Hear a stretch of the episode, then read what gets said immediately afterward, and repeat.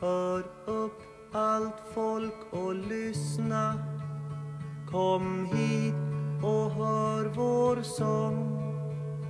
Om herrarna i höjden som regerar dagen lång.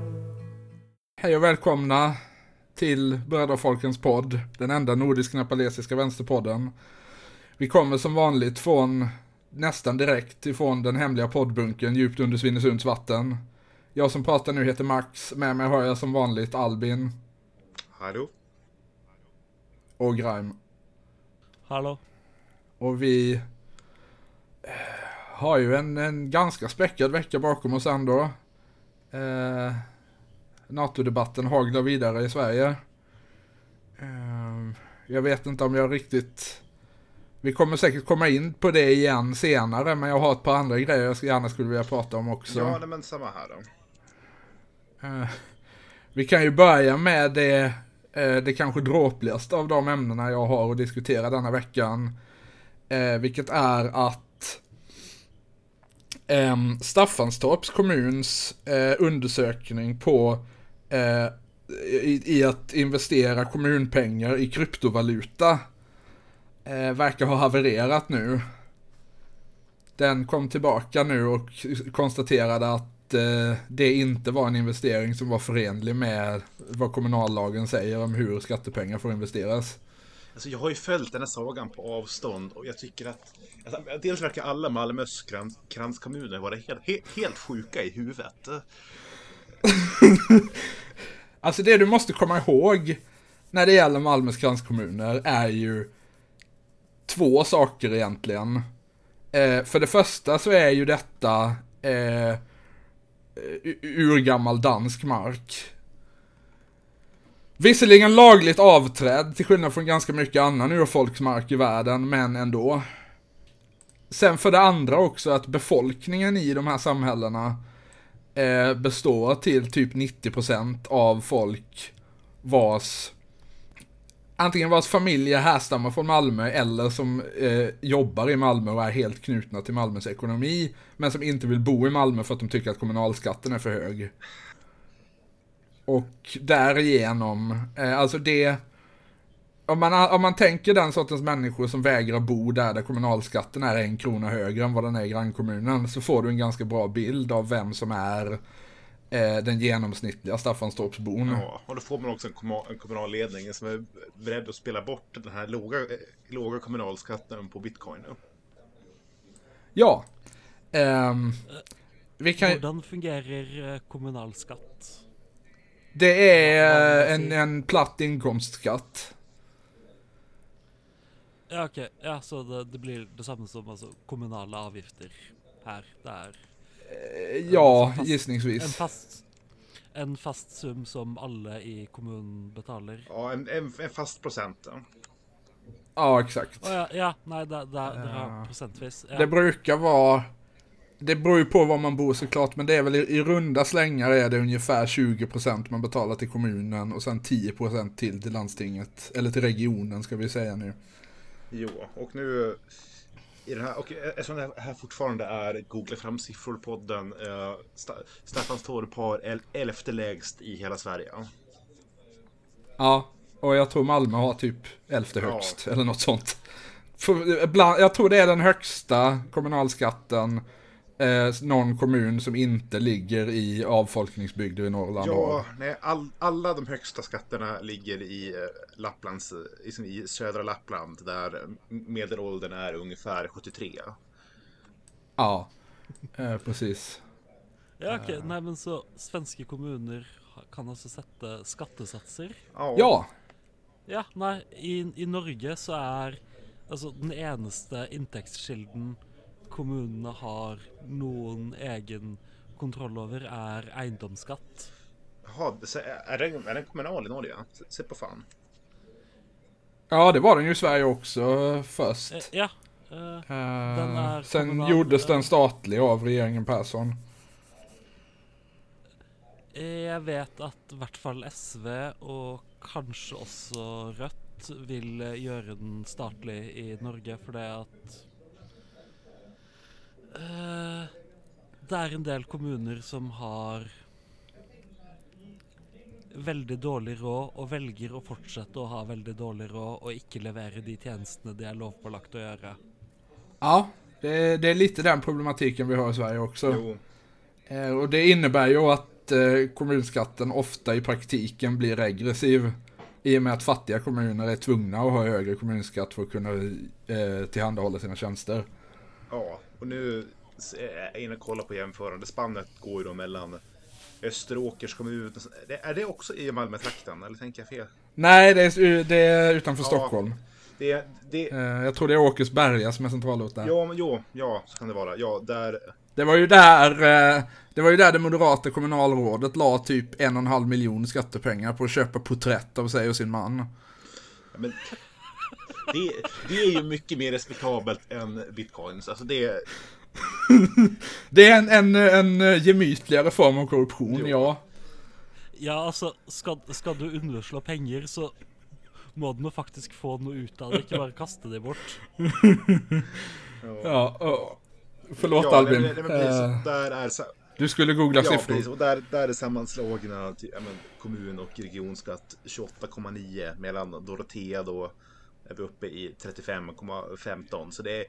Och Det är ändå en ganska så jo, avsevärd skillnad. jo och då... Ut, utan att googla fram, fram några mer siffror, jag skulle göra en spontan gissning och säga att det är... eh, Det är lite högre medelinkomst i eh, Österåker än vad det är i Dorotea. Det är nog sannolikt, ja. Men eh, jag kan ju nämna också vem det är som är eh, kommunalråd i Staffanstorp. Ja, Eh, för det är nämligen så att vi har en av Sveriges, eh, åtminstone utanför liksom Stockholmsadeln och Stockholmssosseadeln, en av Sveriges mest framstående politiska familjer. Ja, men alltså, visst, alltså, visst är det så att de är med, med i massa olika partier också? Eh, det vet jag faktiskt inte. Eh, det jag, alltså källan jag har här är en SVT-artikel. Eh, som bara nämner vad de medlemmarna i den här familjen har för olika, eh, olika poster. Eh, men jag tror de är moderater allihop. Ja, jo, ja, det kanske är så. Eh, vi pratar om familjen Sonesson i vilket fall som helst. Eh, pappa Karl Sonesson var regionråd i Region Skåne från 98 till 2002. Eh, det var alltså, han var alltså först på den posten efter att Region Skåne bildades. Ehm, och han är också, åtminstone 2012 när den här artikeln skrevs, så var han ordförande i Region Skånes arvodeskommitté. Eh, alltså den, den sektion av regionfullmäktige som har i uppgift att bestämma hur mycket de och deras kollegor ska få ta ut i lön. Det måste vara ganska... Ett helt, ett helt rimligt system. jo, nej men det... Eh, det finns om man går in på, ja, vi behöver inte googla fram fler siffror Ja, här, men om, vi, om man går in på svenska Wikipedia så kan man se en del ganska så upplysande tabeller över ehm, riksdagsarvodena sen typ 1990 och vad, hur de hade sett ut om de hade följt inflationen. Ja, jag, jag, jag gissar, jag gissar att det där, det där är sådana där siffror man blir, man blir glad av. Ja. Ja, ja. Det är absolut ingenting man känner att man behöver alkohol efter att läsa den Nej, sidan. men, nej, men då så, skönt. Ja, eh, så att Karl Sonesson är då patriark i den här familjen. Eh, hans äldre son, Karl Johan, är eh, nu regionråd i Region Skåne. Har varit det sedan 2018. Ehm, och hans yngre son då, Christian Sonesson, är kommunalråd i Staffanstorp. Ehm, sen ska också nämnas att Karl Johans fru Anja är, eller var 2012, oppositionsråd i Malmö. Och eh, Karls, alltså pappans bror, eh, andre vice ordförande i barn och ungdomsnämnden i Burlöv. Så han har ju inte nått riktigt samma, samma politiska höjder som sina släktingar. Nej. Ens på den skånska kommunalscenen. Sen är ju, ska man ju också säga att Burlöv är ju den enda kranskommunen till Malmö som är röd. Eh, mest på grund av att det är en kommun som egentligen skulle ha tillhört Malmö, men eh, Malmö kommunblock avskaffades på 70-talet efter att de andra eh, kranskommunerna, bland annat då Staffanstorp, eh, hatade den och inte ville gå in i den. Och det är därför Malmös, alltså att Malmös kranskommuner är så politiskt konstiga beror ju på att Malmös kommungränser är alldeles för snäva egentligen jämfört med liksom den ekonomiska regionen. Ja, alltså nu, nu när vi är inne nu på, på Bjurlöv, den är också känd för att vara det där Sverige, möjligen världens enda eurokommunistiska ballad utspelar sig. Ja. Just det. Eh, Hanna von Arlöv. Ja, det stämmer. Dock, eh, det tvätteriet som den är skriven om ligger dock precis över gränsen i Malmö kommun. Ja, men ja, ja nu, nu, nu slutade Bjurlöva Nu slutar Bjurlöva Ja. det, jag åkte buss förbi det varje dag i typ två år. Eh, på väg från Malmö till Lund innan jag kom på att tåget gick mycket fortare. Tåget går i och för sig typ direkt förbi det också, men man lägger inte märke till det på samma sätt. Eh, hur som helst, han Christian Sonesson eh, bestämde sig då i november förra året eh, för att, eh, eller han och hans kollegor i eh, kommunstyrelsens arbetsutskott bestämde sig för att det skulle kunna vara intressant att prova det här med att eh, investera i kryptovaluta. Um, bör, alltså det, det tog det ju säga så här att Staffanstorps moderater är typ så långt höger det går att vara utan att vara sverigedemokrat. Eh, de var också extremt drivande i det här med tiggeriförbud. På den tiden det var en het politisk potatis. Det här är väl generellt ett tecken, liksom, det, det, är väl ganska generellt för Skånemoderaterna. Det, det, det är inte de mest liberala moderater vi har i Sverige. Nej, så kan man väl uttrycka det. Um, men alltså Staffanstorp är ökända även bland Skånemoderaterna. Så att, um, ja, hans, uh, hans, uh, hans grund för det här var ju då att uh, Staffanstorp hade förra året där då drygt 550 miljoner investerade i räntor och värdepapper. Eh, och det var han rädd för att det skulle riskera som inflationen steg. Vilket han ju i och för sig eh, har fått rätt i att den har gjort sedan dess. Men jag tänker att vi behöver inte vi behöver inte ge för mycket till honom här. Uh, pri prisen på bitcoin har fallit med 20% sedan de startade att utreda detta. Ja. Um, ja. Uh, och det är lite roligt för att det här diskuterades i SVTs morgonstudio. Efter att uh, den här uh, tillkännagivandet gavs. Um, och då hade de dels en uh, investeringsrådgivare från SCB e som uh, argumenterade uh, för försiktighet här. och sen dels också en man som heter Christian Ander från kryptovalutabolaget Gobit. Jag är så trött på de jävla namnen. En, en neutral röst i frågan. Um, Äntligen en kommun som vågar sticka ut hakan och göra något innovativt, sa han. I Miami har borgmästaren tagit ut sin lön i bitcoin och skapat sin egen kryptovaluta. Staffanstorp har ett enormt läge eh, att bli Sveriges Miami. Staffanstorp, Sveriges Miami. Ja, det, det, det, det är jag inte beredd på faktiskt. Nej, eh, Men alltså... det ligger ju ändå långt söderut långt sør tydeligvis svärt reaktionära. ja. Uh, det är inte riktigt lika många exilkubaner i Staffanstorp. Alltså, vill, vill de... Hade det legat i Norge hade det nog dock varit en del iranier, men, uh, jo, men alltså, de är inte är, så många är här. Någon, är det någon av de som vill alltså eh, invadera Danmark och alltså sätta upp alltså marionettregering i Danmark? det hade väl i och för sig kanske varit eh, någonting som vi hade kunnat ge vårt försiktiga stöd till, men... Men hon, nu, nu inser jag ju vad, det är, vad, vad den riktiga likheten egentligen är.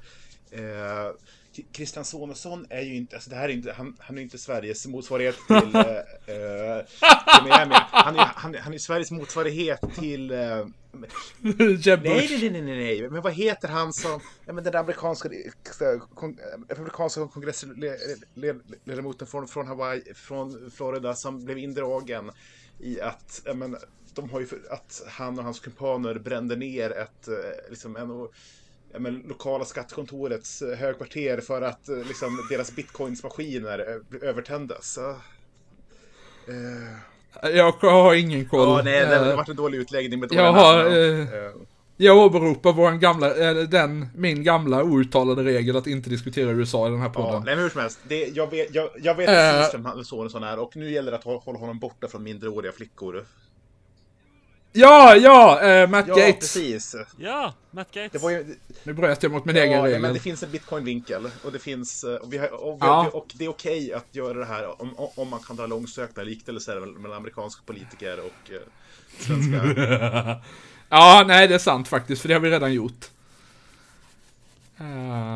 Men sen säger Christian Ander också att han pratar om sin hemkommun, Nacka. Naturligtvis kommer han också från en sån Stockholms eh, förortskommun.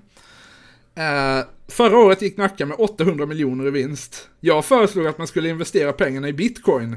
Hade man gjort det hade man efter värdeökningen istället haft 5 miljarder. Ja, eller hatt eh, 50 kronor dagen etterpå. Ja. Ja, det var lite det som den här SEB-ekonomen hade som motargument. Eh, Att han varnar för att stirra sig blind på bitcoin-kurvan och påpekar att den inte går spikrakt uppåt. Han är tveksam till om Staffanstorp kommer välja att satsa.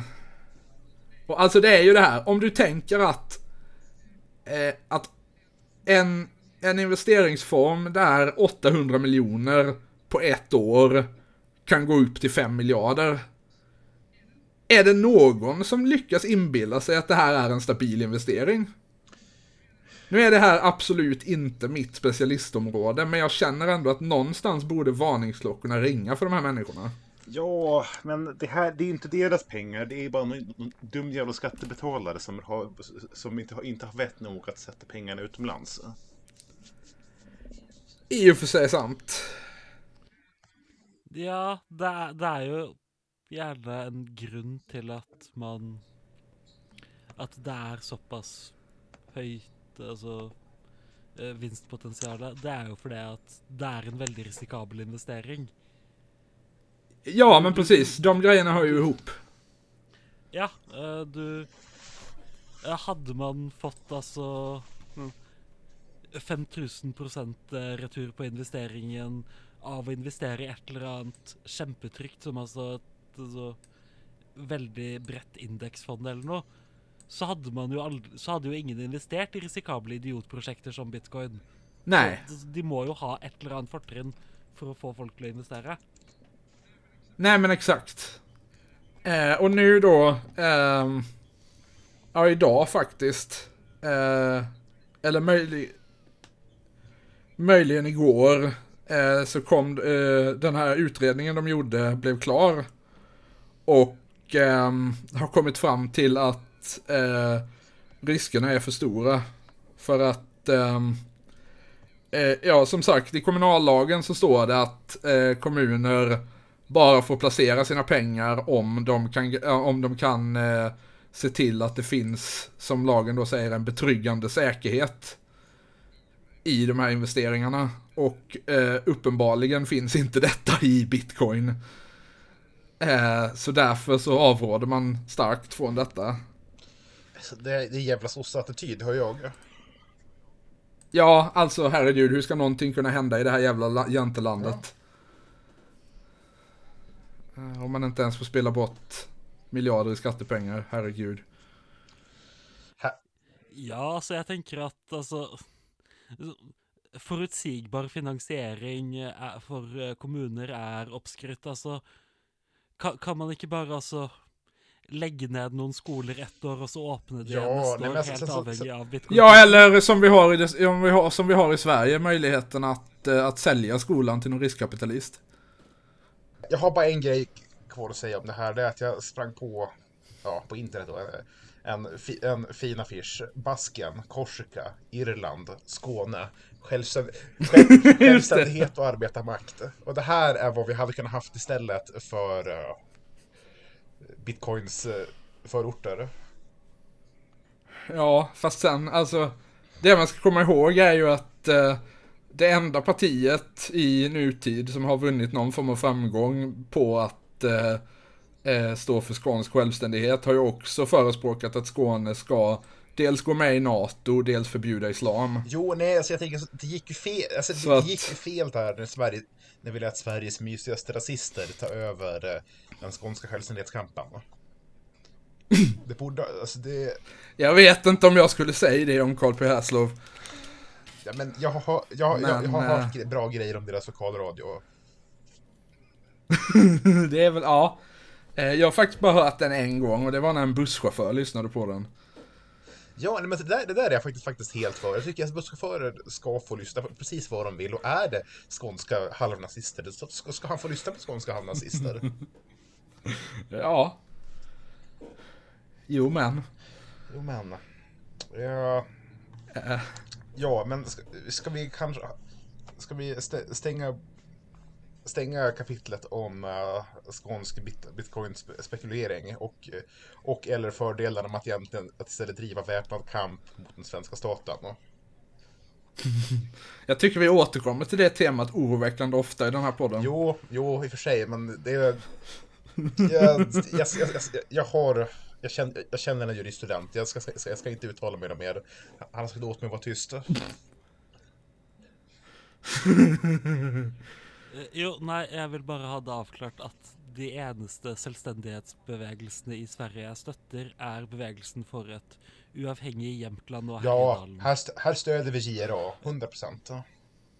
Ja, ja, ja, absolut. Det är Eh, ja, okritiskt stöd till eh, eviga presidenten Evert Ljusberg och hans trogna soldater.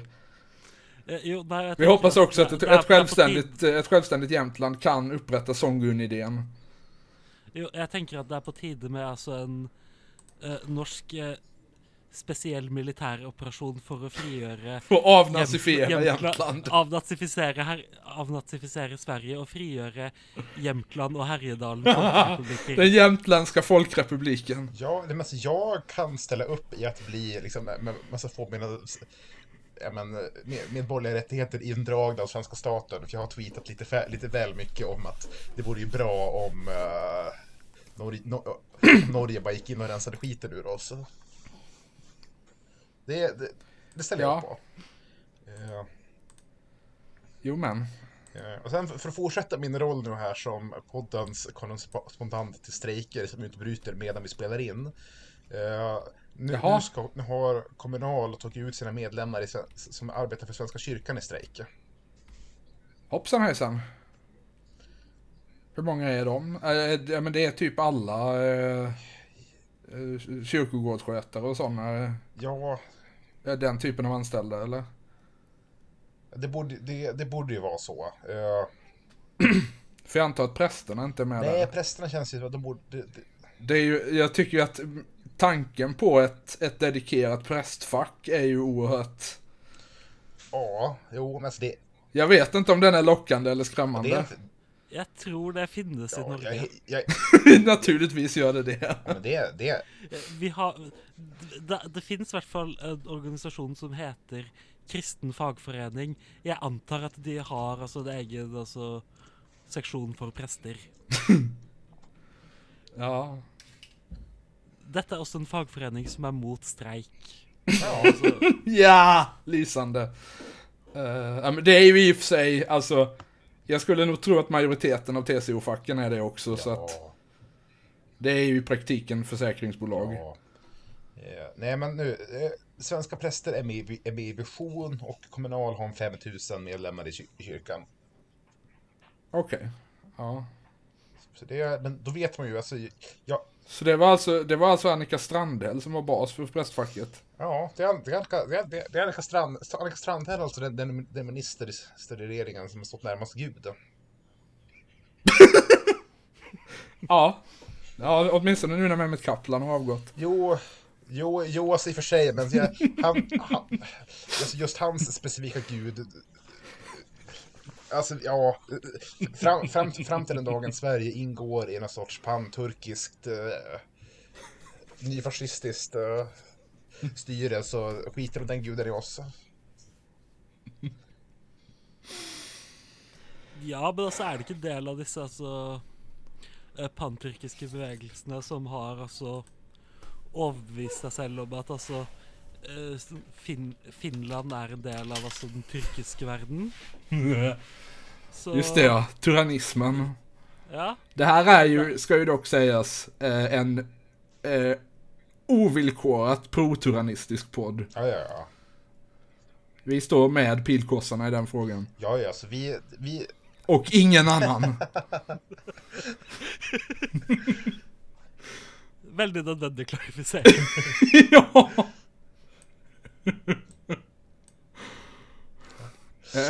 Podden lades ner eftersom vi råkade säga att, att, att, vi, att, vi, att, att vi stod... Vi, vi är tvungna att utfärda en rättning på vårt tidigare inlägg gällande den ungerska fascistgruppen.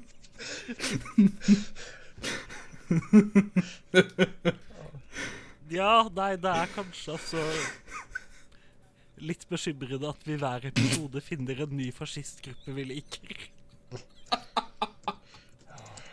Ja. Det enda, alltså, Men ska vi åter, ska vi övergå från eh, vad fan det nu var vi ja, precis jag diskuterade inte. Jag, till, eh, nej men från en grupp som, eh, som vill eh, lura bort sig pengar till en grupp som har lyckats lura till sig pengar. Eh, för det är nämligen så att ehm, eh, Kungliga hovstaternas årsredovisning för 2021 har kommit ut. Eh, och som följd av ett riksdagsbeslut eh, så kommer den, så har den, eh, eh, så har det redovisats i mycket större detalj än vanligt vad de pengarna har gått till. Med andra ord, nu vet vi vad kungahuset får i lön. är, det, är, det, är det också en grej som gör, kommer göra mig arg? Eh, vi får se. Eh, ska vi börja med att säga att eh, den totala summan pengar som, eh, den totala summan svenska skattepengar som går till eh, hovstaterna är eh, ungefär 150 miljoner kronor. Å ja, det var jo ikke så ille.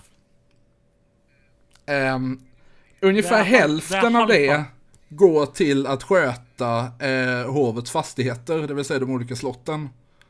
Ja, Jag tror väl det är typ ett dussin olika, framförallt i Mälardalen, som fortfarande ägs av hovet. Ja, det, det, det köper jag som, som någon sorts kulturgärning, kulturbevarande. Ja, eh, så att resten går till eh, apanaget. Som alltså då uppgick förra året till 74 miljoner kronor. Ehm, och eh, Eh, det mesta av det här går då till eh, löner och omkostnader till eh, hovets anställda. Men eh, ungefär 13,6 miljoner av de här 74 går till det så kallade rambeloppet. Vilket alltså är pengar som betalas ut till eh, de individuella kungligheterna och deras hushåll. Det, och som sagt, eh, tidigare år har det inte specificerats vidare än så. men, men Men, ja, ja, Ja. Nej, ja, precis. Jag skulle också säga men. men så, ja. ja. Eh, I år har de då eh, specificerat hur mycket var och en av de enskilda, eh, vad ska man kalla det, eh, hushållen inom kungafamiljen får utbetalt. Så att eh, vi kan, eh, om, nu har jag i och för sig sagt det totala beloppet.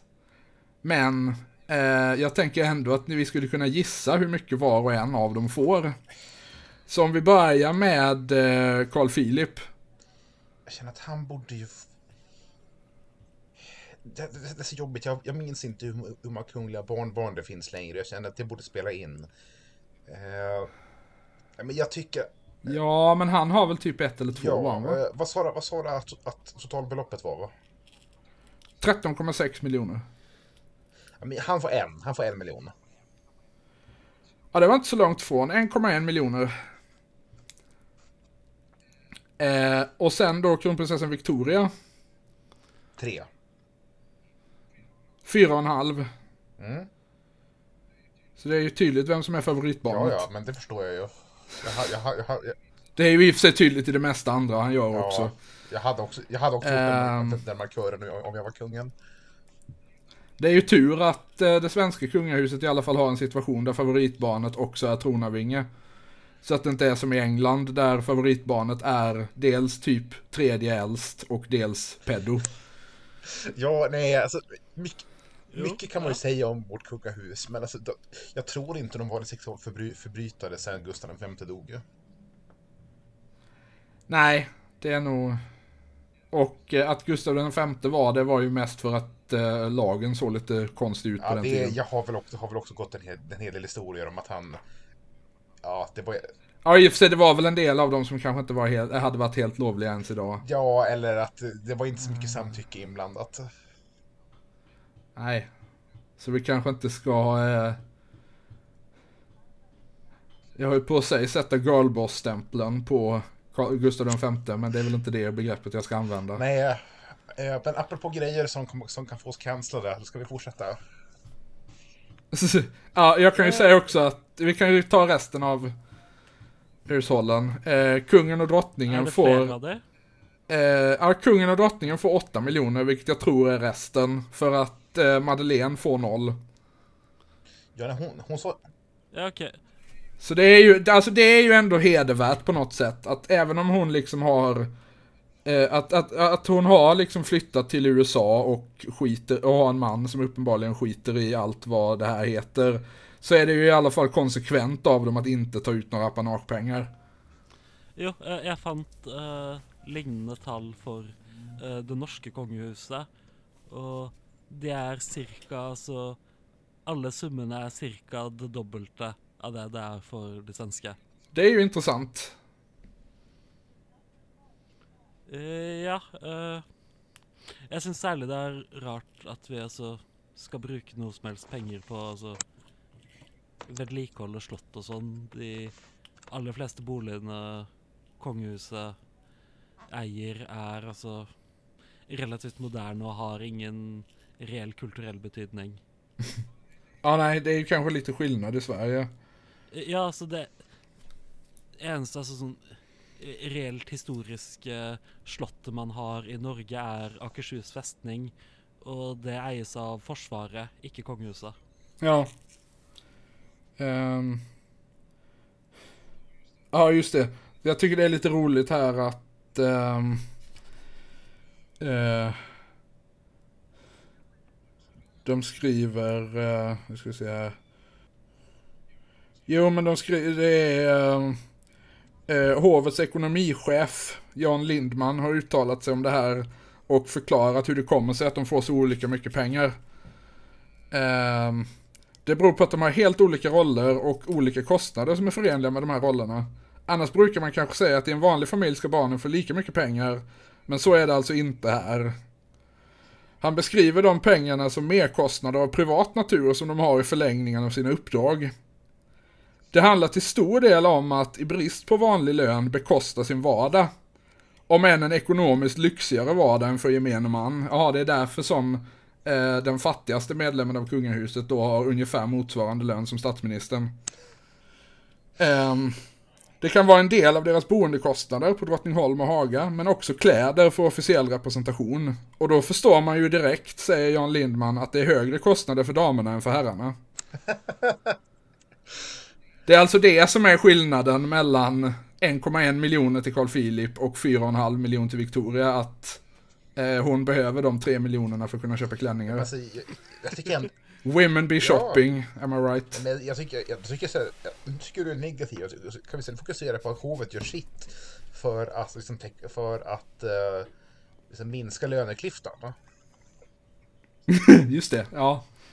Det gäller att vi, det gäller, ja precis, det gäller ju nu att när de här siffrorna väl har offentliggjorts, att vi fäller in kronprinsessan Victoria bland, ehm, i, i, liksom i lönestatistiken så att det jämnas ut. Ja.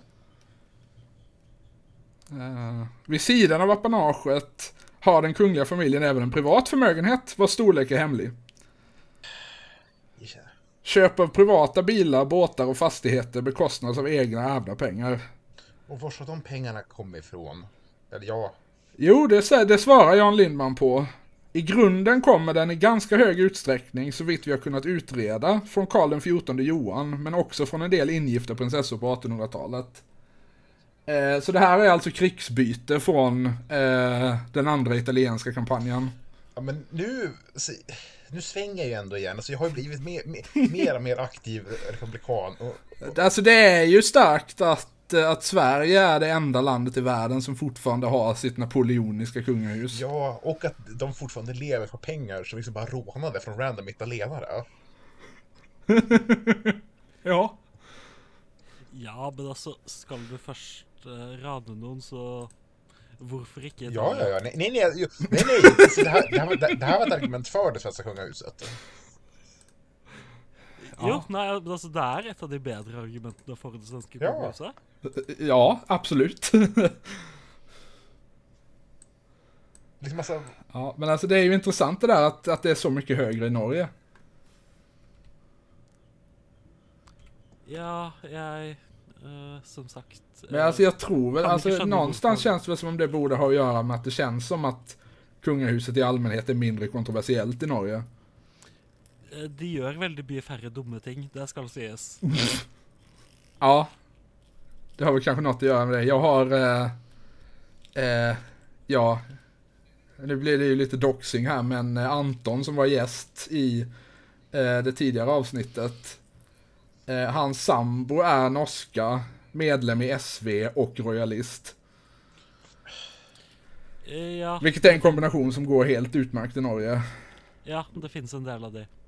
Eh, och det tror jag inte man hade kunnat vara i Sverige på samma sätt. nej, alltså, jag tror, alltså som medlem, eh, om än något passiv i SVs svenska systerparti, jag tror inte, alltså, jag tror inte du hade blivit utkastad, men du, folk hade tittat snett på dig.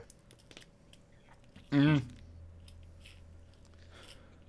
Eh, Gruppelederen for eh, SV i eh, Bergen kommunes bystyre er Nato-tilhenger. Ja, men Ja. Det, alltså, det köper jag ändå är liksom att acceptera status quo i vad som ändå är en ganska viktig... Ja men, ja, men, alltså, ni, fan, ni hade gräns med Sovjet, ni har blivit invaderade. Ja, det, det känns inte helt... Men att, att, att, att aktivt ha en åsikt överhuvudtaget i monarkifrågan för monarkin, nej. Töntstämpel, tyvärr. Eh, jo, nei, Toaspolning. al- altså, jeg tenker at altså, det eneste argumentet for det norske monarkiet er for å irritere folk som skriver kronikker om hvor slemt det er mot kongefamilien at de blir presset inn i en bestemt rolle helt fra fødselen av. Ja, jo, nej, alltså... Om de norska republikanerna är lika effektiva som de svenska så kan jag ju förstå varför det finns social- socialistiska monarkister i Norge. Ja, lite så va. Eh, Men eh, ska vi övergå helt smärtfritt till eh, eh, Norge? I och med att det nämndes. Det kan vi. För det hade hänt lite grejer där som jag förstod det. Ja, eh, det har ikke hendt noe sånn veldig dramatisk i det siste, men jeg fant nå eh, to saker jeg tenkte vi kunne snakke litt om. Den første er da at eh, Frp-leder Sylvi Listhaug eh, Vår favorit. Ja. eh, t jeg vet ikke. Det, det fins vel Frp-ere vi liker bedre. Hun har eh, Hun har ikke noe uttalt standpunkt om altså Huruvida det är säkert att köra full. Om kalifsuksesjon Suksesjon Dere skjønner hva jeg prøver å si. Ja, Eh, men ja, hun da tar til orde for å åpne for eh, hon har inga fremmede- starka åsikter om slaget vid Karbala. Nei, Tönt. eh, men hun tar til orde for å tillate fremmede militærbaser på Det är roligt att vi ger töntstämpel till folk som inte har åsikter om det. Ja, nej, men jag, jag, jag vet varför jag står. Eller för, för att tydliggöra till vita människor som inte har åsikter om det. För att i den muslimska världen är det ju en fort, tämligen rasande debatt fortfarande. Ja, alltså, ja, ja, precis. Där, där har man, ju, Ja. har man ju, vet man ju var man står. Då. Ja, Ja, men altså, jeg tenker det er viktig å ta altså, standpunkt i konflikter som på ingen måte Ja. angår deg. det är lite den här poddens motto om inte annat. Mm. Jeg, jeg- jeg tenker at på et eller annet tidspunkt burde vi ha en, en hel episode om de diverse eh, borgerkrigene i Myanmar og ta stilling til hver og en av Ja, militsene. ja, ja. Ranka dem. vi går igenom hela kärnstaten. Men Det är ju i och för sig eh, typ det vi redan har gjort med Nepal, så att... Lite grann, ja. Ja. Eh, Men ja, Frp vil ha amerikanske militærbaser i Norge. Ja! De sier, ikke, de sier jo ikke spesifikt amerikanske, men hvem faen ellers gidder la- opprette en militærbase i Norge? Ja, vi vill gärna ha en polsk bas. FRB är ju kända för att vara för att det kommer polacker till Norge. Eh, Ja, det er jo derfor de nå er mot eh, EØS, fordi det er polakker i Norge. Ja. Eh, ja, så altså Siden 1949 har man hatt altså et eh, ganske klart standpunkt om at man ikke skal ha fremmede militærbaser i Norge. Eh, dette var noe man Dette ble delvis gjort for å altså, forsikre Sovjetunionen om at selv om vi gikk inn i Nato, kom det ikke til å komme amerikanske militærbaser i Finnmark. Ja, Eh, en ganska klok eh, avvägning skulle jag nog tänka mig. Eh, ja eh, Men altså, det er jo en del andre gode grunner til å ikke ville ha amerikanske militærbaser. Eh, ja, alltså om vi helt bortser från liksom de säkerhetspolitiska frågorna här och liksom USAs militärs eh, politik. Så kan man ju bara titta på det faktum att alla liksom samhällen där det finns amerikanska militärbaser fullständigt hatar dem. Eh, amerikanske soldater står for 95% av alle voldtekter i Seoul. Aha. Ja. Japp. Jag, ty- jag, jag är lite, lite missnöjd med mig själv hur lite jag är förvånad över det. Eh, husker dere en sak for et par år tilbake om uh, Psy, artisten bak eh, Gangnam Style? Just det. Eh, om at han hadde opptrådt på en konsert og sunget en sang om å torturere og drepe amerikanske soldater. Ja. Ja men han är väl rätt så liksom bra. Rent Eh, politiskt. För att alltså själva, själva Gangnam Style-låten är ju liksom en, en kapitalismkritik. Ja, altså, Bara det att typ ingen förstod det eftersom den är på koreanska. Jo, nei, men altså, jeg tror han er omtrent så bra politisk som det er lov å være i Sør-Korea. Ja, precis, utan att bli fängslad. Eller i alla fall, om man är politiker, få sitt parti upplöst. Eh, ja, eh, men altså eh, Frp får ikke noe særlig gehør for dette forslaget blant andre partier.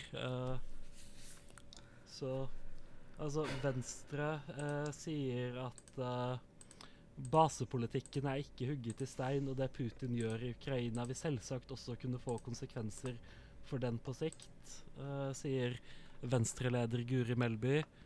Eh, alle andre partier som har uttalt seg. eh, Det är ju så roligt att detta är det, är liksom... Detta är den frågan där man kan få FRP och Venstre mot alla andra partier. Ja Det er en del spørsmål om fagforeninger og sånn, hvor de også finner sammen mot alle andre. Ja, det är sant. Eh, fast där är väl högre åtminstone lite lagt åt samma håll, eller? Det er til tider, men altså eh, Venstre er sannsynligvis det mest fagforeningsfiendtlige partiet i Norge. Ja, det förvånar mig inte egentligen. Eh, Det tror jag man, alltså... Eh, från och till tror jag man skulle kunna säga att de svenska liberalerna är det också. Även om de säkert skulle hävda att det är typ för att eh, fackföreningarna är främlingsfientliga. Det vill säga, står inte bakom Lex Laval.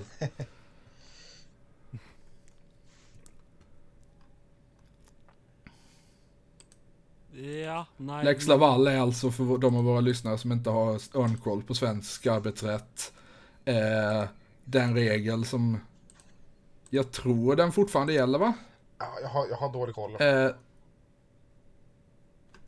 som säger att, eh, jag, om jag minns rätt, rätt, rätta mig Albin om jag har fel, men jag har för mig att den säger att eh, företag som tar in utländska arbetare, eh, eller eh, arbetare från andra länder i EU, eh, har rätt att ge dem eh, motsvarande den lön de skulle ha i sina hemländer och, in, och de behöver alltså inte eh, anställa dem efter svenska villkor. Jävla hittepåland. Ja, det får, vara, det får vara din ställning till Lettlands existens. Ja, den, alltså där, det, det, det, kan inte, det kan inte vara kontroversiellt i den här podden att säga att jag tycker att jag inte står bakom eh, att vi... Att, att, Den lettiska statens rätt att existera. jag, jag skulle med säga fred, freden med Ryssland 1721, men... eh, Jaha. eh, det, det, det, det du sa blir, blir en konsekvens av det jag sa, så det... Det är ju för sig sant. Vi borde... Nu är väl i och för sig de svenska bankerna redan igång med att försöka återuppliva eh, svenska Livland. Så att... Och så säger, och så säger man att bankerna inte bara gör dåliga saker. Eh, ja, så eh, det blir sannsynligvis ikke noen amerikanske militærbaser. eh, Alltså en liten del av mig skulle nästan vilja att det blev det bara för att det skulle ge mig rätt i en viktig del av NATO-frågan som vi kommer komma till eh, antingen senare i detta avsnittet eller nästa för jag behöver avreagera mig. Eh, ja, eh, men eh, den andre saken jeg har funnet fra Norge, er at eh, Norge og EU nå har blitt enige om en måte å eh, fordele fiskekvoter i området rundt Svalbard. Ja, och det här är ju, är ju trevligt. Jag tycker vi har haft alldeles för lite diskussion om fiskekvoter i den här podden tidigare. Eh, eh, jo, nei, men altså Dette har vært en altså ganske langvarig konflikt mellom eh, Norge og EU. Eh, Ja, och en ganska stor del av anledningen till att eh, Norge röstade nej väl? Kanske inte det här specifikt, men att man ville Nej, ha inte- kontroll över de egna, den egna fiskepolitiken. Ja, eh, det kan det Det er altså relatert, men ikke helt det samme. Eh, det som Det er litt vanskelig å forklare, for det er et par ulike grunner til at man har hatt en konflikt eh, nå i det siste. Eh, første del er at eh, EU går ikke med på premisset om at Norge har noen rett til å utdele eh, fiskekvoter i området rundt Svalbard i utgangspunktet. For det at ifølge Svalbardtraktaten så har Norge ingen rett til å regulere kommersiell virksomhet på Svalbard eller i Svalbards territorielle farvann. Just det, det är därför det finns någon, eh, någon rysk gruva där. Eh, ja, man har en russisk gruveby med verdens nordligste Lenin-statue. Ja,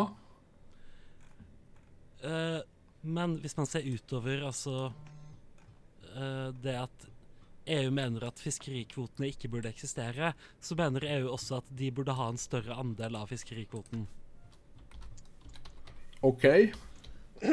Eh, det er fordi at etter at Storbritannia forlot EU, så ble ganske store deler av EUs uh, eh, kvote fratatt uh, eh, eh EU, og så halvparten av det som ble tatt fra EU, ble gitt til Storbritannia, mens den andre halvparten ble delt mellom Norge og Russland.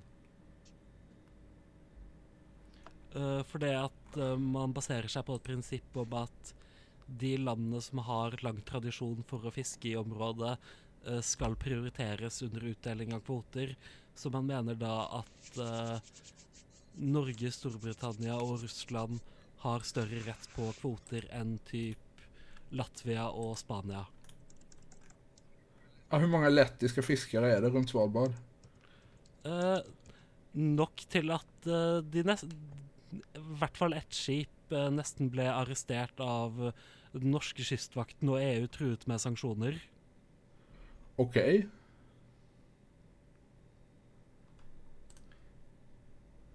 Ja. ja. Jag är ju lite småförvånad. Eh, ja, det er egentlig altså Det er en veldig forvirrende sak, og jeg tror kanskje egentlig vi bare burde ha en egen episode om Svalbard på et eller annet tidspunkt, for det at alt med Svalbard er litt forvirrende. ja. Jo, jag, jag får ju det intrycket. Verkligen. ganska mycket.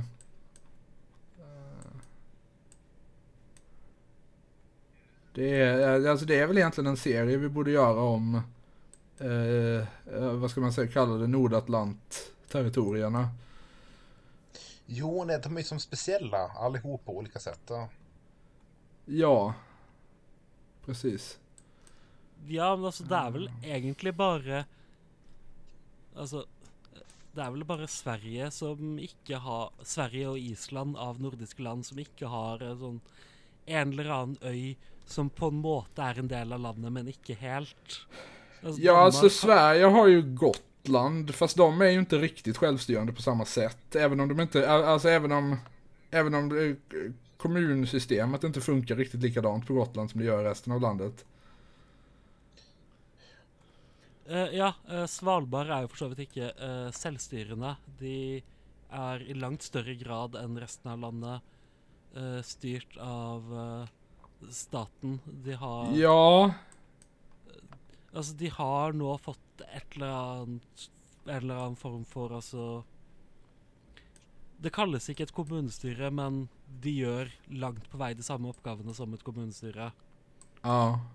Men altså, de, har- de er ikke del av noen fyl noe fylke, så altså alle altså, fylkesoppgaver administreres da gjennom staten. Eh, samtidig så har Norge veldig liten makt til å håndheve noe som helst av lover på Svalbard pga. Svalbardtraktaten, eh, som er en Ja. avtale man signerte med alle andre land i, i regionen om at hvis dere går med på at vi eier Svalbard, så skal vi oppføre oss som om vi ikke eier det. Eh, man har heller eh, Norske innvandringsregler gjelder heller ikke på Svalbard. Så hvem som helst kan reise til Svalbard og bli der så lenge man vill. Okej. Jaha, jag, ja, jag trodde det skulle vara tvärtom, att man typ inte fick åka dit alls.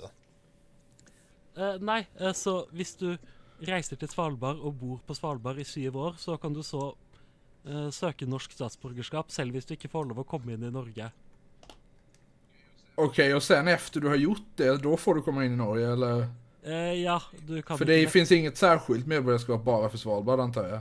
Eh, nei, eh, du Det er da så Du får deg et helt vanlig norsk eh, statsborgerskap. Ja.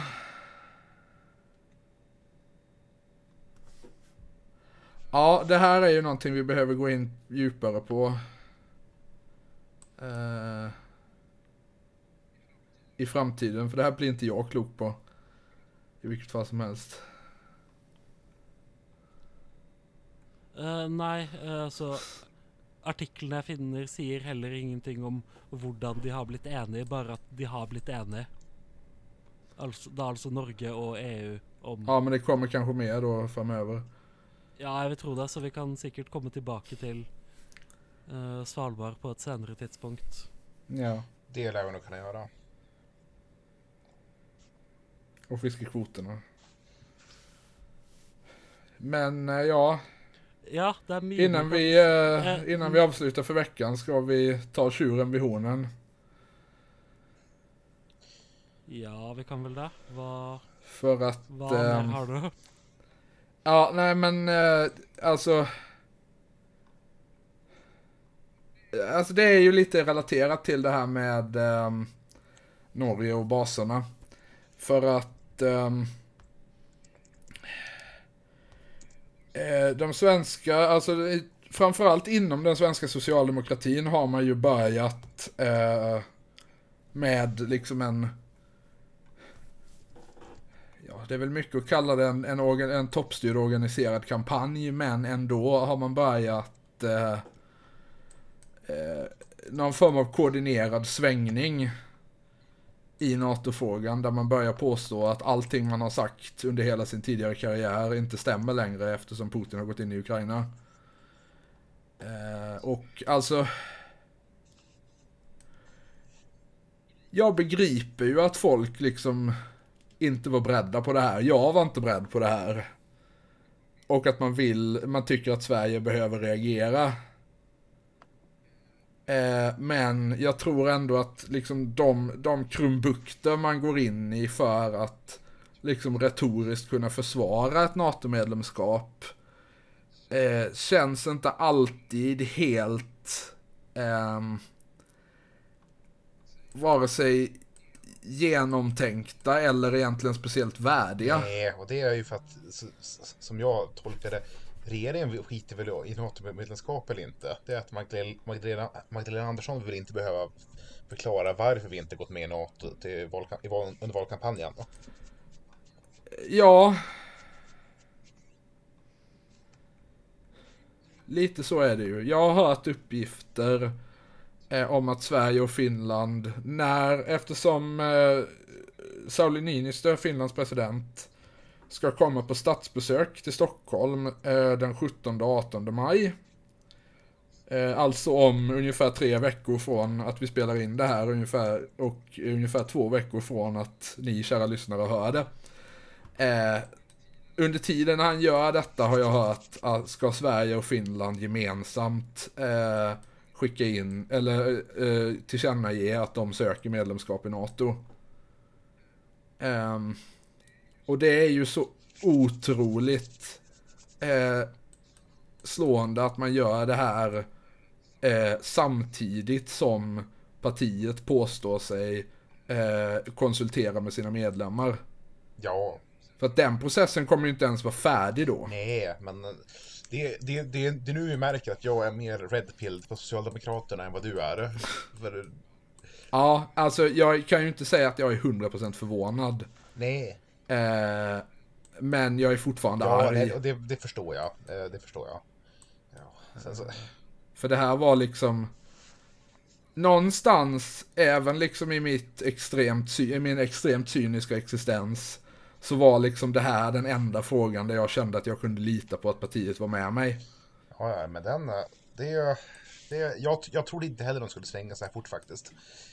Uh, alltså det, det är som, jag, jag, jag tror att den svängningen som provocerat mig mest, det var när Daniel Suhonen eh, nyligen här, eh, Ja, det var honom jag tänkte att vi skulle prata Jo. om. Eh, jag räknar honom till eh, den socialdemokratiska intelligentian. Även om han väl står kanske lite till vänster om partiledningen så är det ju ändå liksom eh, hans, hans perspektiv är ju liksom ändå internt inom socialdemokratin. jo, Eh, han är ju en, en av de uh, eh, en av de drivande krafterna mellan, bakom den här föreningen Reformisterna. Uh, eller Revisionisterna som jag ibland lite skämtsamt brukar kalla dem. Som då vill driva socialdemokratin vänsterut. Och det är väl ett mål jag i princip står bakom, men jag är kanske inte 100% enig med deras metoder varje gång. De sa nu i dagarna att de skulle börja starta regionala sektioner. Vilket de alltså inte har gjort tidigare. Det här har varit en förening som uteslutande organiserar i Stockholm.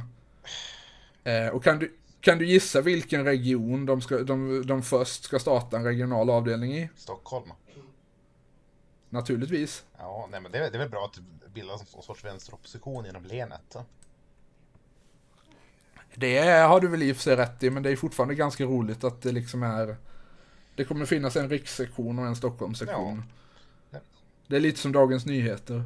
Ja, nej men det, det där tycker jag ju ändå att, att, att, att du var inne på någonting. Det här, att det här är ju Socialdemokraternas variant av Dagens Nyheter. Tycka saker väldigt mycket, sen blir det inte så mycket mer. Nej. Eh, men ja, Suonen eh, har då skrivit en, en ledare i Aftonbladet.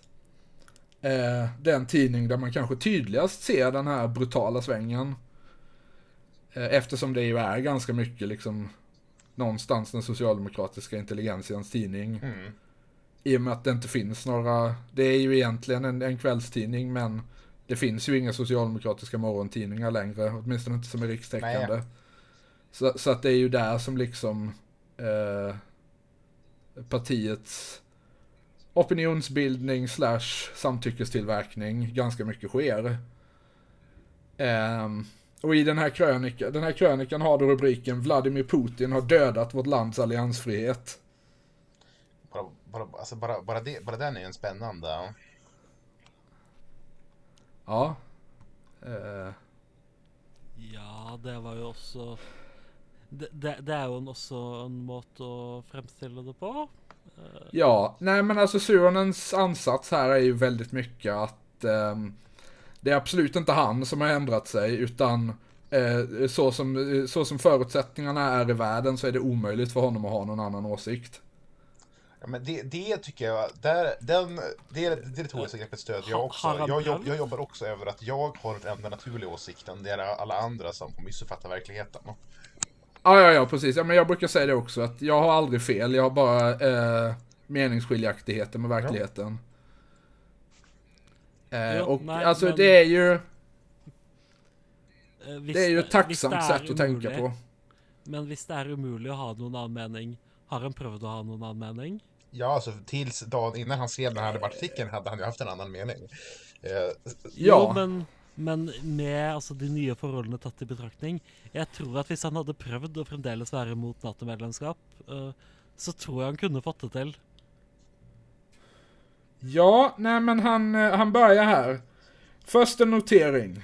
Nyligen pratade jag med en bekant i 70-årsåldern. Starkt mot NATO-medlemskap. Gammal 68. FNL-are. Mycket av det hen sa hade jag nickat instämmande till före den 24 februari 2022. Nu funkar inte argumentationen. En tanke slog mig. Denna 68 så förstående för ett litet lands frihetskamp på 70-talet, för Afghanistans på 80-talet, mot Irakkriget på 00-talet, nu i praktiken bortförklarade den bombande stormaktens aggression. Vi avslutar samtalet. Eh, alltså, jag har mött en människa vars analys av det här inte är solklar. Därför är jag för NATO. Alltså jag är väl den första som ska erkänna att eh, NATO-kritiker ibland har liksom lite för lätt att förklara bort den här sortens grejer. ja, absolut. Jag tycker absolut att, alltså, ska det finnas en, en svensk fredsrörelse så måste vi fördöma Rysslands aggression. Ja, precis. Det är helt rätt. Och det här, jag, jag tänker var, varje gång jag ser de som står och säljer proletären utanför Systembolaget här uppe att men varför behöver ni skriva om att det kanske var Ukraina som egentligen begår alla, alla krigsbrott i Ukraina? Uh, varför är det en nödvändig grej att lyfta fram? Varför är det en debatt ni tycker är, är viktig? Uh, så Ja men det är ju det är väl för att proletärens redaktion mycket utgår från att eh, de, de läser eh, det amerikanska utrikesdepartementets pressmeddelanden och sen tycker de motsatt. jo, och det är ett problem, men det är ändå spä- Och det har de, alltså de har ju rätt i att göra så 90% av tiden. Jo, men Jo, det er, det er et veldig mye bedre prinsipp enn å gjøre det motsatte. Jo, Ja. men man, man behöver ju kanske en egen analys ibland. Men det är ändå spännande att Daniel Sundström träffat en gammal, eh, alltså, en, en gammal 70-tals maoist och nu insett att NATO är nog bra egentligen. Ja. Jo. Um. ja, han fortsätter. Um. det finns inget som försvarar det Ryssland nu gör mot Ukraina. Världen har förändrats. Då måste också vi som verkar i världen göra det, även om fantomsmärtorna av en världsbild, en ordning man lärt sig leva med, kan vara mycket svåra. Om några veckor kommer med allra största sannolikhet statsminister Magdalena Andersson lämna in Sveriges NATO-ansökan. En majoritet av svenska folket är nu för. En majoritet av riksdagspartierna är för. Och när Magdalena Andersson formellt, efter ännu en, inom citattecken, öppen process i Socialdemokraterna, enar sitt partis ledarskap kring ett ja, är det inte på grund av högeravvikelse, det är av nöd. Ehm, Men där, där måste jag lägga mig Det är så kul att nu går han ju med. Alltså, det finns, fanns, fanns väl ingen som blev överkörd mer än Daniel Suhonen under den förra öppna processen de hade förra året. Det var liksom, alltså hel, hela... Ja, fast han, alltså han, det är ju så märkligt för att han, han sätter ju det här inom citationstecken. Vilket ju får det att låta som om han är kritisk till den här Jo, processen. vilket han borde vara. Samti samtidigt är han ju för vad den här processen uppenbarligen kommer mynna ut i. Eller om han nu är det. Alltså, jag, För han fortsätter. I den svenska ansökan kommer det finnas ett outtalat men verkligt sigill under vilket det står Likt en gång biskop Brasks, härtill är jag nödd och tvungen. Och alltså det här temat brasklappar eh, går han ju lite vidare på i den här artikeln. Ja, och det var när han kommer in på det som jag, som jag blev provocerad på riktigt. Ja, eh, vi kan ju ta det nu då. För att han... Eh, han förklarar, han pratar ju då om att eh, det bästa hade varit om vi hade kunnat vara kvar och vara neutrala men, och bygga upp vårt försvar, men det hinner vi inte. Så därför, eh, eh, ja, jag citerar igen här. Ehm, sveket mot en möjlig svensk alliansfrihet togs av de politiker som avvecklade vårt folkförsvar och därmed vår kapacitet att försvara oss själva. Det hördes inga starka vänsterröster emot när försvaret försvann. Inga från höger heller, de la till och med ner värnplikten efter Rysslands attack på Georgien 2008. Nu står vi här och måste snabbt öka vår försvarsförmåga och få säkerhetsgarantier. Det finns bara ett realistiskt alternativ på bordet och det är NATO. Det här är ändå spännande, för alltså, det, alltså det, det, det, var inte, det var inte så att ryska invasionen av Ukraina började, 20 började i februari i år. Det här har pågått sedan, vadå, 2014? Ja, Vem har, och, och, Alltså- och, och ve- vem har haft makten i det här- i det här landet sedan, sedan 2014? ja. Liksom, och, alltså, vi, Vi låter den frågan hänga i Ja. luften. Det, det finns for så vidt en annen måte å raskt eh, utvikle en eh, tydelig, altså avskrekkende militærkraft. kärn, Eh, Sverige, Jag tror jag är med dig. eh, Sverige har tre operative atomreaktorer, så vidt jeg kan Ja. se. Ja, jo men Sverige har... Eh, eh, jag vet inte vad det heter på svenska, men breakout capacity. Ja, men alltså, kärnvapen och en automatisk karbin till varje sven, vuxen svensk medborgare. Ja, den schweiziska modellen. Det var ju inte så långt från det vi hade en gång i tiden. Eh, Men eh, sen tog ju historien slut och då var man ju tvungen att anpassa sig efter det. Ja. Så det, för- sen var det ju ingen som var beredd på att historien någonsin skulle kunna börja igen. Det var ju Nej, men, nej, men det var ju... Eh, nej, men uteslutet. alltså, om, om någonting slutar så börjar det ju inte sen. Då, då är det ju slut. Det, det hör man ju på namnet. Det är slut. Ja, det kan ja, man tycka. nei, det var veldig unødvendig av Russland å komme med en oppfølger til historien. Den sluttet veldig bra. Ja. Var ikke nødvendig å altså, k- komme Ja, med precis. Historien Electric Boogaloo. Det är alltså... Eh, eh, det, det här som händer nu är alltså historiens motsvarighet till Star Wars Episod 1, Det mörka hotet. Jag får, jag får nu en, eh, eh, en, en, en tanke här och försöka sprida någon form av desinformation på Twitter och hävda att Volodymyr Zelensky var den ukrainska rösten till Jar Jar Binks. Ja, men det, det stöder vi på. Ja, altså Men... Eh, Du kan jo prøve. eh. Men, eh, hvor gammel er Det behöver vi inte gå in på för djupt här. Jag tror han var typ 16, men... eh, Eller lite äldre än så, han var kanske 20. Jo, nei, men altså, da er det fullstendig troverdig. Eh, gå for det. Och så, sen så, hur, hur lång tid togs det innan Star Wars dubbades, dubbades till ukrainska?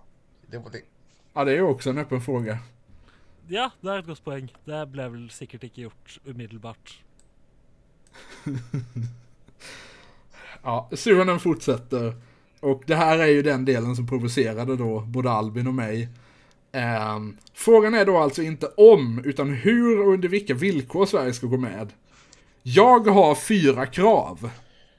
Jag låter den, så, den meningen och återigen hänga i luften lite. Daniel Suhonen har alltså fyra krav på Eh, alltså privatpersonen och journalisten Daniel Suhonen har fyra krav som han ställer på den internationella militäralliansen NATO. och här, här är värt att komma ihåg att, att när Daniel Suhonen i egenskap av ledare för, jag förstår, en av de större socialdemokratiska föreningarna försökte ställa krav på sin egen partiledning, då, skratt, då skrattade de och gjorde det motsatta. Ja. Eh, det här är, ja. Ja, så jag, de här fyra kraven då. 1. Inga NATO-baser eller kärnvapen i Sverige i fredstid. 2. Norden ska vara en kärnvapenfri zon. 3. Och den här, det här är den riktigt sjuka. NATO-medlemskap och stärkt försvar ska bäras av de rikaste i samhället. Vars fastigheter och företag unga män och kvinnor kommer att riskera sina liv för att skydda. Alltså, alltså, menar han, alltså det här, är det här att han tycker att Sverige ska höja skatten på de rika för att höja försvarsbudgeten? Eller är det en sorts, en sorts universal europeisk och nordamerikansk eh, förmögenhetsskatt? Det är väldigt oklart. Ehm, hur som helst så vill Daniel Suonen att en av de mest grundläggande principerna för alla krig sedan mänsklighetens begynnelse ska reverseras som ett krav för att Sverige ska kunna gå in i NATO. Ja, nej men alltså jag tycker, alltså, på hela tiden så respekterar jag här, här också. Jag vill också liksom bara lägga upp en kravlista för att vi ska gå med i en sorts fantasy-organisation som inte finns. Ja. Eh, och sen krav nummer fyra då. Full solidaritet med vanliga människor i Ryssland. Fokus på att stödja oppositionen och demokratirörelsen. Och ett framtida demokratiskt Ryssland ska erbjudas plats i EU. Jo, men det, det kommer jo ikke til å skje. Så hva er poenget med å stille krav om det? Eh, ja, nej men det är ju lite det här som är det så fascinerande med den här ledaren. Men, eh, att Daniel Suhonen eh, uppfinner liksom, jag kallar det för sosse-NATO. Eh, han uppfinner en, en ny typ av organisation som han vill gå med i.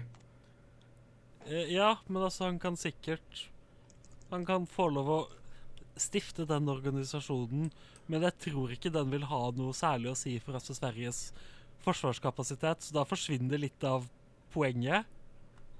Ja, jag tror heller inte den amerikanska staten, liksom oavsett vilket av de två partierna i USA det är som styr, skulle vara speciellt inne på det här med att ehm, eh, att föra över eh, den, liksom bördan för krigföring på de rika. Eh, nei Det, det det motsäger liksom lite någon av grundvalarna i liksom hur den amerikanska imperialismen fungerar. Det har de aldri hatt noen interesse av tidligere. Men det syns kanskje er mest forvirrende med denne lederartikkelen, er eh, Hvis han mener at det er uunngåelig at Sverige blir Nato-medlem, og det eneste man kan diskutere, er premissene for det Hvilken forhandlingsposisjon mener han at Sverige er i til å stille krav, hvis det ikke finnes noe reelt alternativ til Nato-medlemskap? Ja, men så, precis. Och, och, och det är det här som... Det här ställer frågan, är Daniel Suhonen dum i huvudet eller ljuger han? Ja, nej men lite så. Ehm, alltså... Jag tror egentligen att det finns ett tredje alternativ här.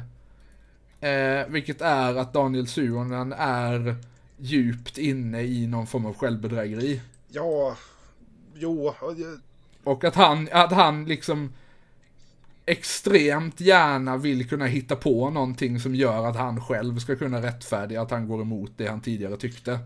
ja, nej precis. Och det, det, det, det, det, är nog mer, det är nog mer troligare än min dum i huvudet-variant.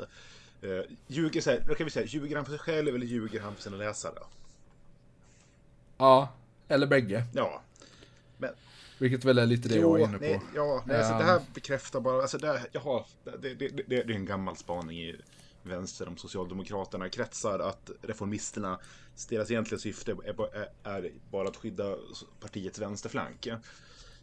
Och det här, alltså just, Ja, alltså, och just jag önskar ju högre än allt annat i världen att jag skulle kunna säga emot det Ja, här. och- alltså, Eh, just nu så har jag väldigt svårt att argumentera för att det inte skulle vara så. ja, jag med.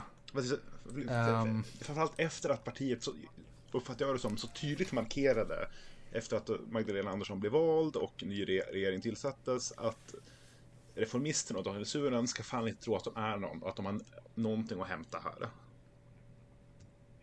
Ja, nej men det är ju så att, eh, Men er ikke det att, att vara vänsteropposition inom Socialdemokraterna är att leva i en värld av smärta. Jo, men er ikke det litt den rollen venstreopposisjonen i alle eh, st- store sosialdemokratiske partier spiller? Altså, Arbeiderpartiet har aldri noen gang hørt på ungdomspartiet sitt Nej. i noe spørsmål. Og eh, Allikevel så kommer de alltid med krav til Arbeiderpartiets landsmøte som de vet ikke kommer til å bli vedtatt. Ja.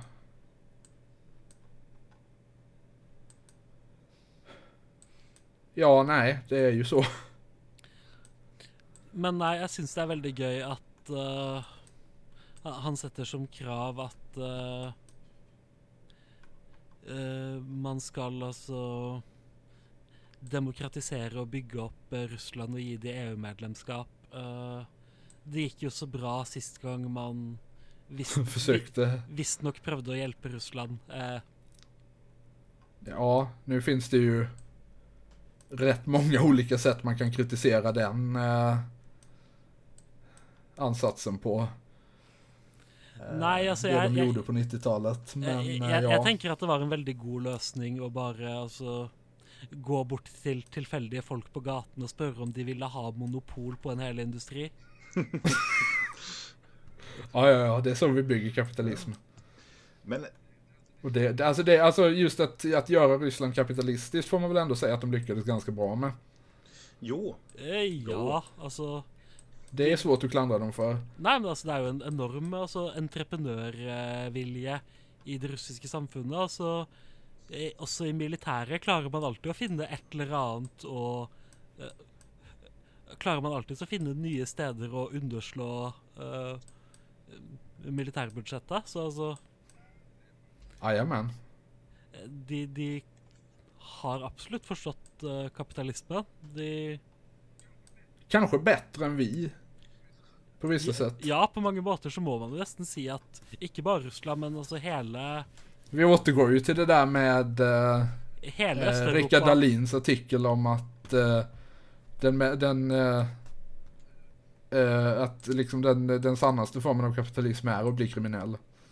Jo, men altså hele Øst-Europa har jo forstått kapitalisme på en langt bedre måte enn eh, samfunn som har liksom gradvis vent seg til eh, utviklingen av kapitalisme. De ble altså kastet inn i den dype enden av bassenget og Ja, har gjort noen virkelig artige ting eh, siden det. ja, ja, ja det, är, det finns absolut inga problem med de samhällena. nej, Ja, jo, altså noen problemer er det jo, men litt må man ofre for at altså Men det har ingenting med det ekonomiska systemet att göra, det är för att det finns populister. Selv hvis det har med det økonomiske sy- systemet å gjøre, noe må man være villig til å ofre for at sønnen til den georgiske statsministeren skal få bruke statspolitiet til å terrorisere kritikere som ikke liker musikken hans. det, Ja. alltså, det, jag känner ändå att på något sätt att det finns mer, det, det, det är mer respektabelt än, vad- än vad många autokrater håller på med. Ja, det, alltså det är någonting med det här med eh, auktoritära statschefer med eh, eh, rappande söner. För att eh, eh, nu hade, hade väl han avgått, men eh, Turkmenistans tidigare president eh, hade en son som är känd för att ha spelat in en rapvideo där han rappar om hur bra det är med idrott. Minst kontroversiella rapplå- rapplåten någonsin. ja.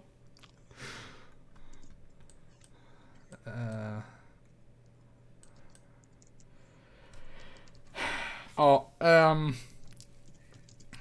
Till Aftonbladets extremt marginella försvar eh, så publicerade de en replik på Suhonens artikel av eh, före detta, ja han var väl utrikesminister, eh, Pierre Schori. Mm. Eh, typ på 80-talet. Eh, där han eh, argumenterar emot detta. Eh, att... ehm, ja, han pratar om de här försöken att... eh, ja... ehm, att göra en kärnvapenfri zon. Ehm, i eh, Norden. Jag citerar. Ehm, men ditt problem blir att kärnvapenalliansen NATO inte bara är emot zonen utan emot alla initiativ som på allvar ifrågasätter dessa terrorbalansens domedagsvapen. Vi vet hur det gick i FN med konventionen om kärnvapenförbud. Eh, Sverige genom Margot Wallström röstade för, då protesterade både NATO och Pentagon och så stannade processen upp. Eh, Men konventionen fick tillräcklig majoritet. Den är nu internationell lag och kan användas i kampen på en allsidig demontering av alla kärnvapen. Irland och Österrike röstade för och har inte för avsikt att ge upp den militära alliansfriheten. Eh, detta är eh, kärnvapensålderns grymma budskap. Den rådande terrorbalansen hotar allt mänskligt liv och gagnar samvetslösa despoter som Putin. Eh, Synd Daniel att vi inte som planerat fick tillsammans genomföra planerna på en oberoende NATO-utredning. Detta hade de alltså tänkt göra tillsammans de här två. Du ville fokusera på katalys och det kan jag förstå. Men vi som arbetade i över ett år med utredningen lärde oss mycket om NATO. Den genomfördes av landets främsta forskare och diplomater, bland andra Hans Blix, Rolf Ekéus och Lars Egelstam. Lars Ingelstam och kom till slutsatsen att medlemskap inte skulle gagna vår säkerhet. Det blev en bok på Nobelpristagarförlaget Selanders, Sverige, NATO och säkerheten, som nu finns i en andra upplaga. På baksidan skriver Ingvar Carlsson, särskilt viktig är den analytiska och kritiska granskningen av Sveriges framtida förhållande till militäralliansen NATO. Utredningen kommer till slutsatsen att ett svenskt medlemskap skulle öka de politiska och militära spänningarna i norra Europa och därmed allvarligt försämra Sveriges framtida säkerhetspolitiska läge. Det är samma resonemang som Stefan Löfven förde fram i början av april i år och som bemöttes på Svenska Dagbladets ledarsida med orden “Stefan Löfven låter som en röst för Kreml”. Till, slut till slut Daniel, vad tycker du om partiledningens brådska med denna existentiella fråga? Och har du läst det underlag för dialog som skickats ut? Utredningen om NATO nämns inte. Där har vi inte ett ord om kärnvapen och den historia vi har i frågan allt sedan Östen Undéns plan i FN 1961 till Alva Myrdals Nobelpris 1982 och Palmekommissionens lyckande påverkan på Reagan och Gorbatjov som ledde till det första nedrustningsavtalet om kärnvapen. Ej heller om att NATO har mer eller mindre förbjudit oss att följa Österrikes och Irlands exempel. Och inte heller om att vi faktiskt varit med i NATO i nästan 20 år. Det vill säga övergivit FNs blå baskrar och istället stridit under NATO-flagg i det Pentagon-ledda kriget i Afghanistan. Vad säger dess fasansfulla slut om NATO? Här behövs det en ordentlig granskning innan vi fattar beslut i den folkliga fredsrörelse som vi menar att socialdemokratin är. Ja, men det är för att en här verkar ju argumentera utifrån åtminstone sina egna åsikter och den andra efter lite magkänsla. Ja, alltså jag tycker det är väldigt bra det han nämner här med, med liksom kärnvapen att poängen med NATO är att hamna under ett kärnvapenparaply. Man kan inte göra det och samtidigt hävda att man jobbar för nedrustning av kärnvapen. Ja, och det är sånt där, liksom, jag har mycket mer respekt för de faktiska NATO-förespråkarna som har hållit på med det här länge. Som vill gå med i det riktiga NATO som faktiskt finns. Ja, absolut. De har i alla fall liksom någon form av konsekvens. De uppfinner inte en fiktiv version av NATO som är, som är liksom skapat i deras huvud för att de ska kunna ta ställning för det. det är alltså, då, alltså, då, jag, alltså, jag, är, jag, tycker, alltså, jag tycker vi kan, kan liksom gå med, gå med i, so, so, i, so, i socialistiska NATO. Som inte, som inte har ja. kärnvapen. Nej men jag är absolut, jag tycker absolut att det här sosse-NATO ja. låter, låter ja. trevligt. Sen, sen när vi ändå håller på det är lite synd att Daniel Suhonen är den enda ja, medlemmen. Sen när vi ändå håller på kan vi bestämma att Ryssland har inte heller kärnvapen. Nej, jo, nej, alltså jag tänker att eh, Sverige kan bli medlem i eh, Warszawapakten. Ja. Eh, Ja. Ja, det är väl ungefär, alltså, det är ju en organisation som är ungefär lika verksam idag som den version av NATO som Daniel Suhonen är för.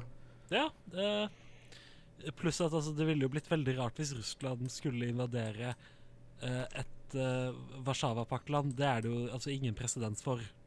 Nej, nej precis. Det, det... Nej, nej, nej, det har aldrig hänt.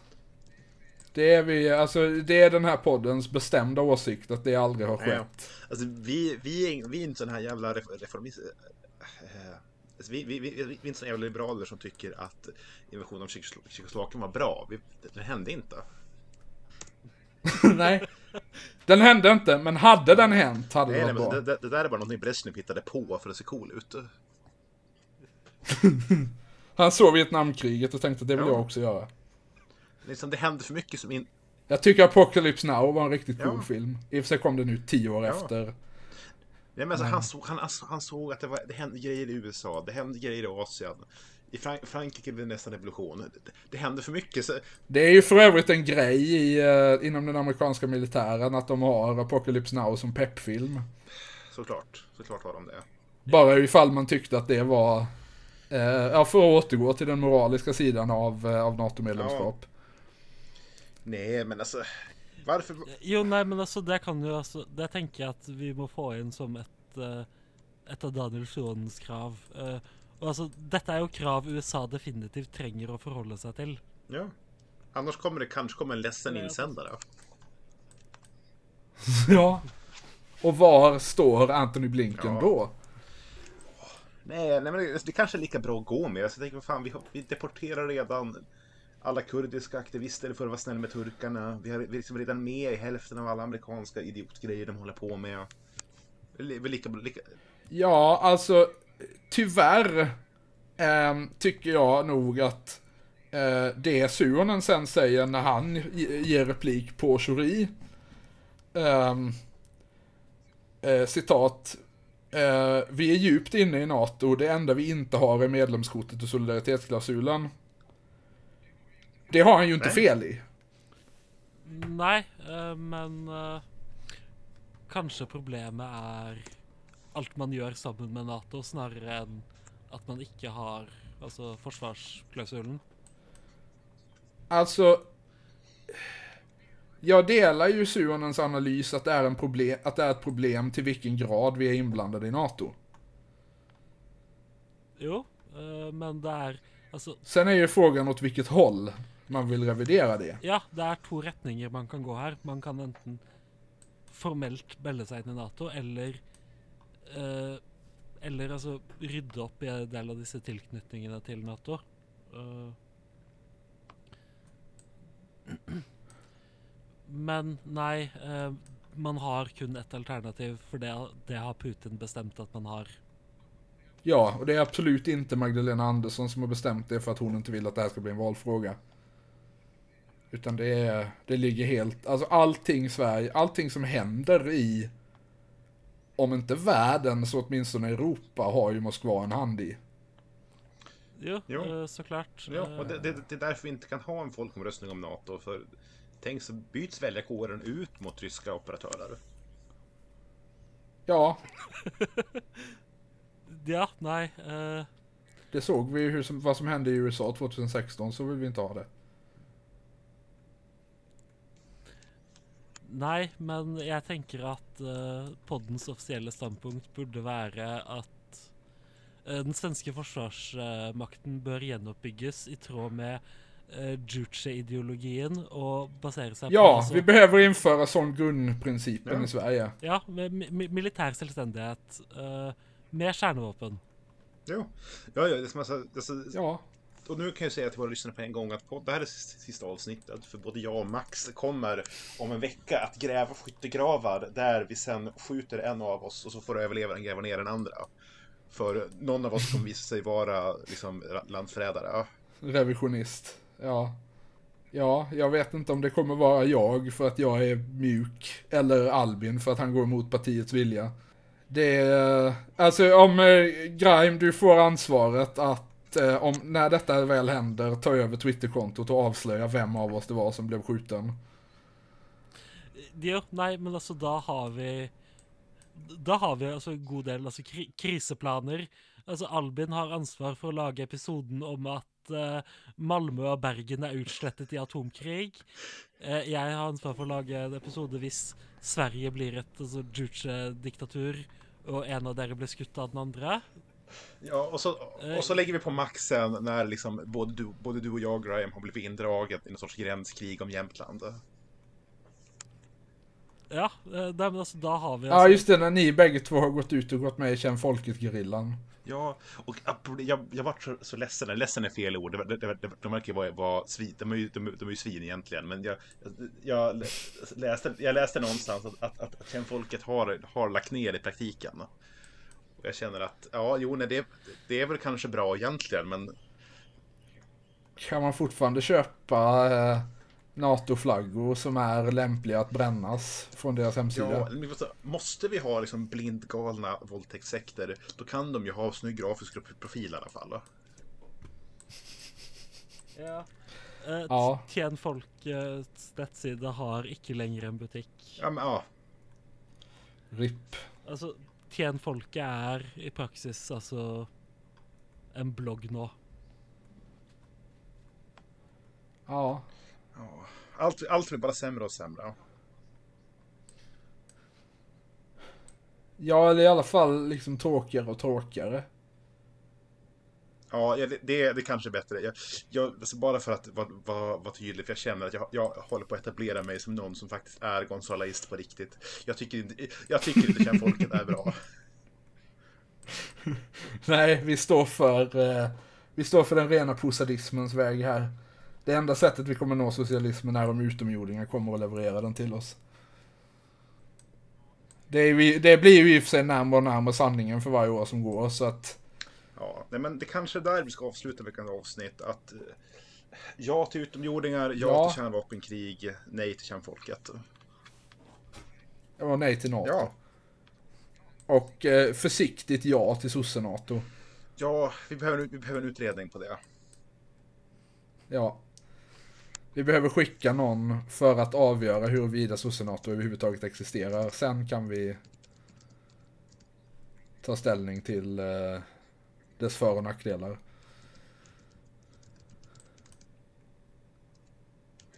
Men eh, ska vi låta det vara våra avslutande ord? Vi säger så. Ja, det Vi har gått Det- på det- en stund. Ja, det er vel ikke så mye mer å si nå.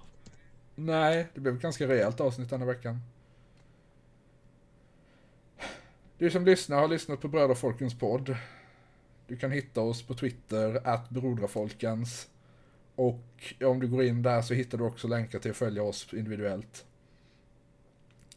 Vi hörs nästa vecka. Tack så mycket.